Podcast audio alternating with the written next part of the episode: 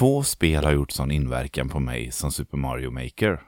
Det var med detta spel jag återupptäckte min kärlek till tv-spel en kall höstkväll 2015.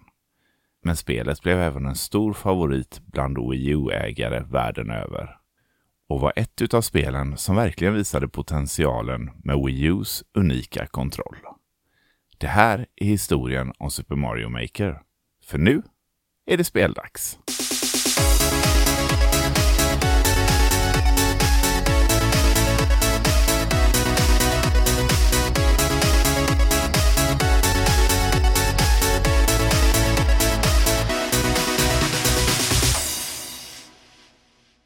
Super Mario Maker släpptes till Nintendo Wii U den 11 september 2015. Spelet består av två delar. Den första är att skapa, spela och dela med sig av sina egna Mario-banor. Och den andra är att spela andras banor. Konceptet av att skapa egna banor i ett spel kanske inte är så ovanligt. Men att kunna göra egna banor i de världar som jag och många med mig vuxit upp med och som på många sätt har definierat tv-spelsindustrin under de senaste decennierna gör spelet unikt i sitt slag.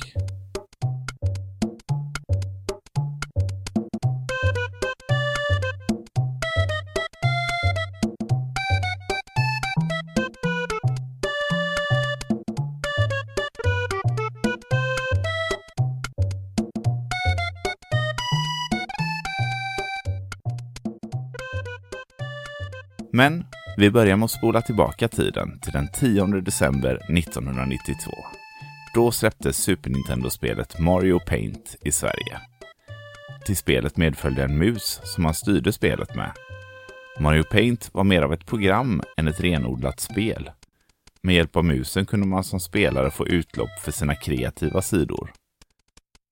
Den primära delen av programvaran var såklart att kunna måla men även skapa enklare animationssekvenser som man sedan kunde spela upp.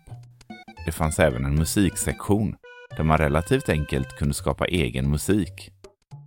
Utöver detta fanns även ett enklare spel där man med hjälp av en flugsmälla skulle ha ihjäl flugor på skärmen. Mario Paint är ett tidigt exempel på Nintendos strävan att skapa okonventionella sätt att uppleva spel.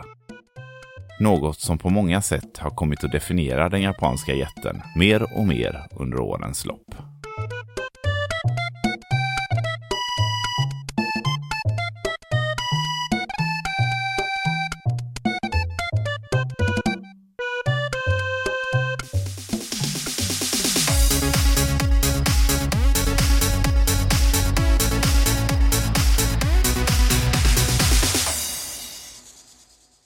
20 år senare sitter Takasha Tezuka på sitt kontor och funderar på möjligheten av att göra en uppföljare till Mario Paint. Takashi Tezuka är en veteran inom speldesign och har jobbat hos Nintendo sedan 1984. Han har på ett eller annat sätt varit inblandad i de flesta av Nintendos största varumärken, som till exempel speldesigner för det första Super Mario och The Legend of Zelda-spelen till att senare agera producent för Animal Crossing, Yoshi's Woolly World och mycket, mycket mer. I samma veva som Tezuka funderade kring möjligheterna att göra en uppföljare till Mario Paint så fick han besök. Det var hans kollegor på Nintendos utvecklingsavdelning kallad The Tools Team. De hade länge jobbat med en programvara där man enkelt kunde skapa 2D Super Mario-banor för att testa nya idéer och upplägg. Tanken var att programvaran skulle underlätta för utvecklare i sitt arbete med bandesign.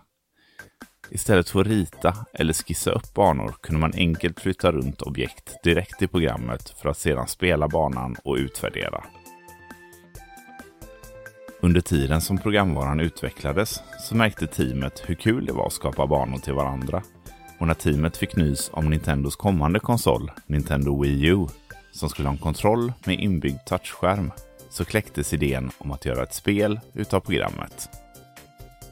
Tezuka tyckte idén var genialisk och mycket bättre än att bara göra en uppföljare till Mario Paint. Han har i efterhand sagt att potentialen med ett konstnärligt spel är betydligt mer begränsat till de som redan besitter den förmågan, medan att skapa banor i ett mer linjärt program är något som alla kan finna glädje och kreativitet i.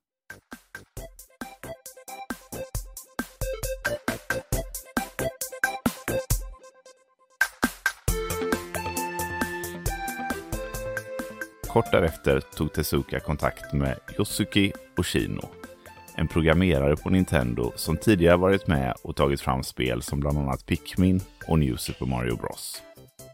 Tillsammans med The Tools Team satte de igång för att optimera programvarans användarvänlighet, gränssnitt och design. Grundtanken för teamet var enkelhet. Vem som helst skulle kunna sätta sig och spela spelet och förstå hur man skapade sina egna banor. Alla knappar och funktioner som kändes onödiga togs bort. Men både Tezuka och Ushino var förvånade över det gedigna arbete som redan gjorts. Och man kunde snart gå vidare till nästa steg i arbetet. Där och då fanns det endast en funktion för att dela sina banor lokalt. Så nästa steg i utvecklingen var att lägga till en online-funktion. Glädjen med spelet fanns ju såklart dels i den kreativa processen och att skapa sina egna banor. Men den andra delen var ju att låta andra ta del av sina banor. Detta visade sig vara lättare sagt än gjort. I ett tidigt stadie så utforskades möjligheten att bygga in funktionen i Wii U's Miiverse Interface. Men efter att ha utfört några enklare tester så insåg teamet att det ändå vore bäst att utveckla en ny online-funktion som byggs in i spelet istället.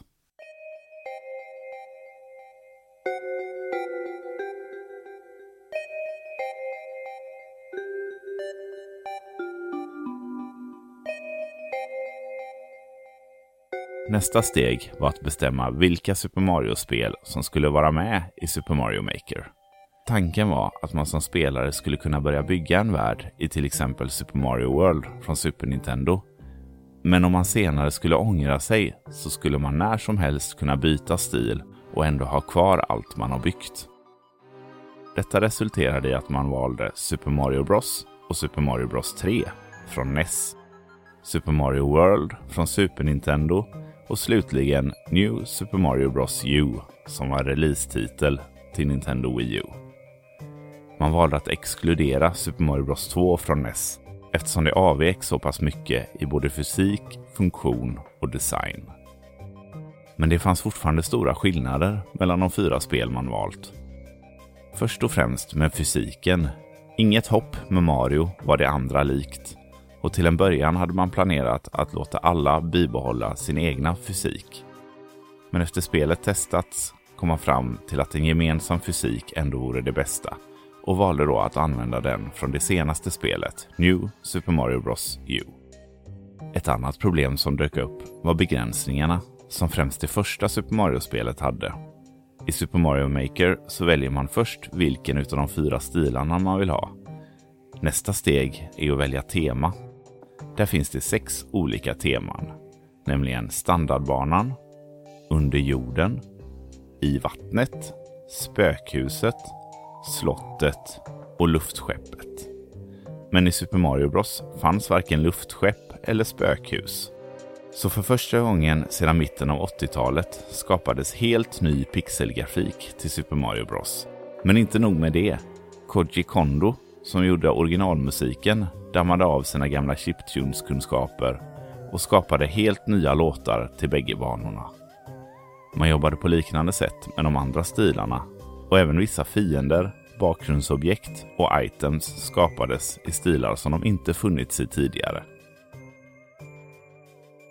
Koji Kondo var också med och gjorde resten av soundtracket för Super Mario Maker och gjorde utöver nya låtar även remixer på några av sina gamla, idag ikoniska låtar.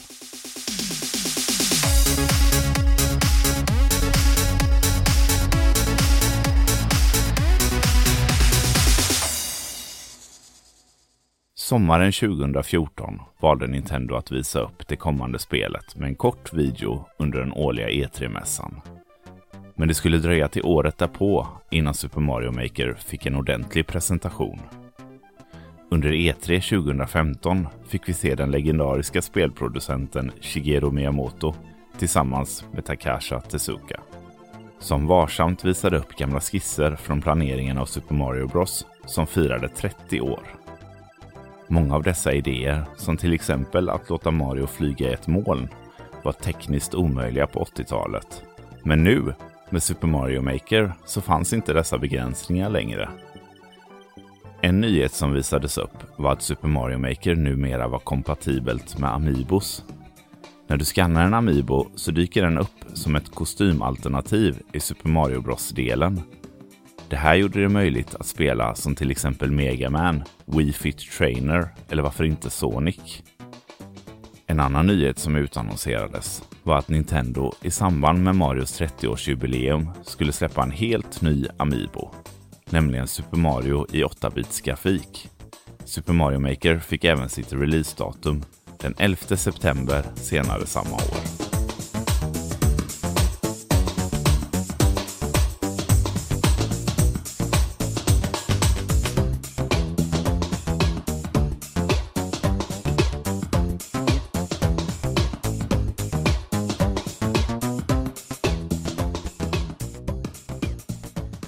Inför releasen hade Nintendo lite olika jippon där de promotade spelet. Bland annat ett event med världskända speldesigners som Michel Ancel, skaparen av Rayman, Koji Igarashi, som varit med och gjort de flesta Castlevania-spelen efter Symphony of the Night och numera gör Bloodstains-serien. Samt Derek Yu, mannen bakom bland annat Spelunky Samtliga hade varit med och gjort sina egna Super Mario-banor inför eventet. Och den 11 september var det äntligen dags för release. Super Mario Maker gick att köpa i tre olika varianter. Den vanliga utgåvan som kom i en liten större kartong med spelet såklart, men även en idébok på 96 sidor. Det fanns även en Amiibo-utgåva i en större kartong där spel, idébok samt 8-bitsversionen av Super Mario Amiibon ingick. Och sist men inte minst kom en Wii U-variant med den svarta 32 GB konsolen, spelet, idéboken och Super Mario Amiibon. Försäljningen var stark redan från start. I både Japan, USA och Storbritannien hamnade Super Mario Maker på topp 3-listan och försäljningen fortsatte vara stark över vintern. Och redan i januari hade spelet sålt över en miljon exemplar. Totalt så såldes strax över 4 miljoner Super Mario Maker-spel, vilket placerar spelet på plats 7 av de mest sålda Wii U-spelen.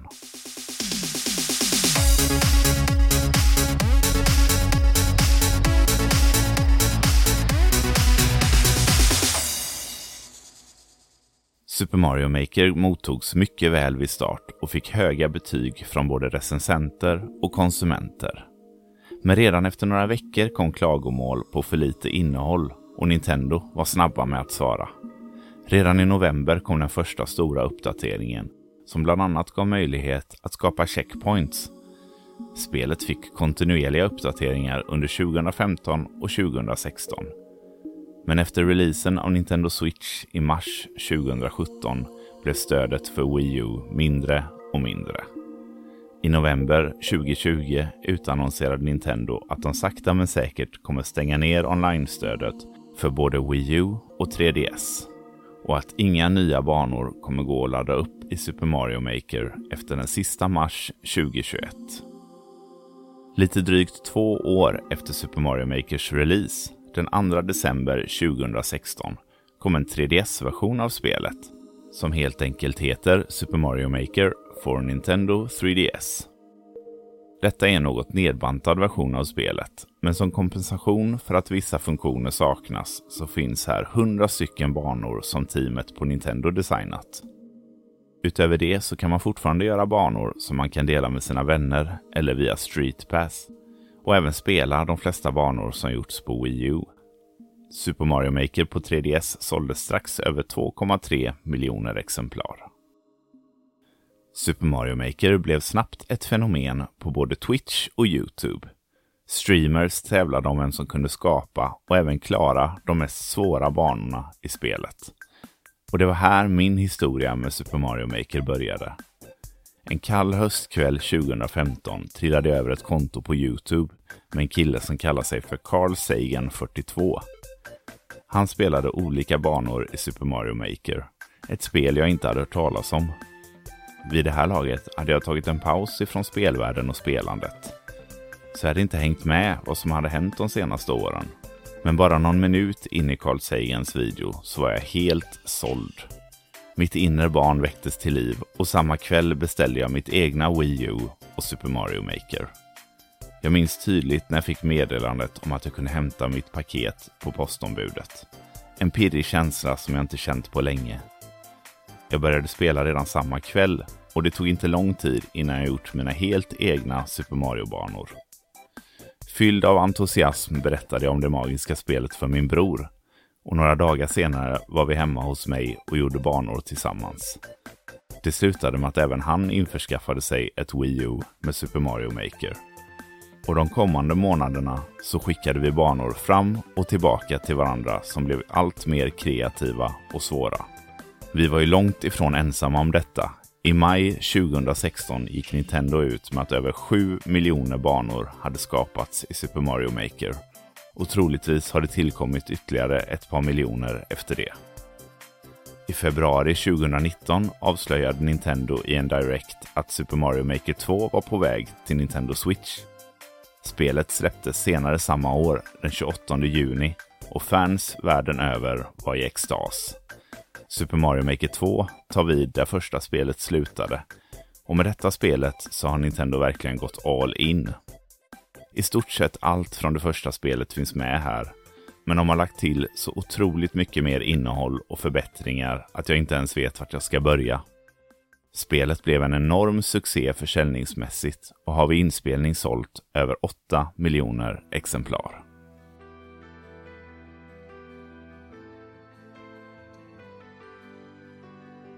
Super Mario Maker har en speciell plats i mitt hjärta. Dels har jag under åren följt flertalet streamers som klarat de mest otroliga banor i spelet och bjudit på underhållning och många skratt. Det blev även startskottet för min väg tillbaka till tv-spelsvärlden och det dröjde inte länge innan jag hade köpt fler spel till mitt Wii U. När jag några år senare bestämde mig för att starta upp den här podden så var första ämnet givet. Historien om Nintendo Wii U. Men mest av allt så minns jag kvällarna i min etta i Hovås. Där jag och min lillebror satt med varsitt Wii U och vi skapade banor, skrattade och lyssnade på musik sent in i den mörka decembernatten. Detta är för mig magin med tv-spel och minnen jag bär med mig för alltid.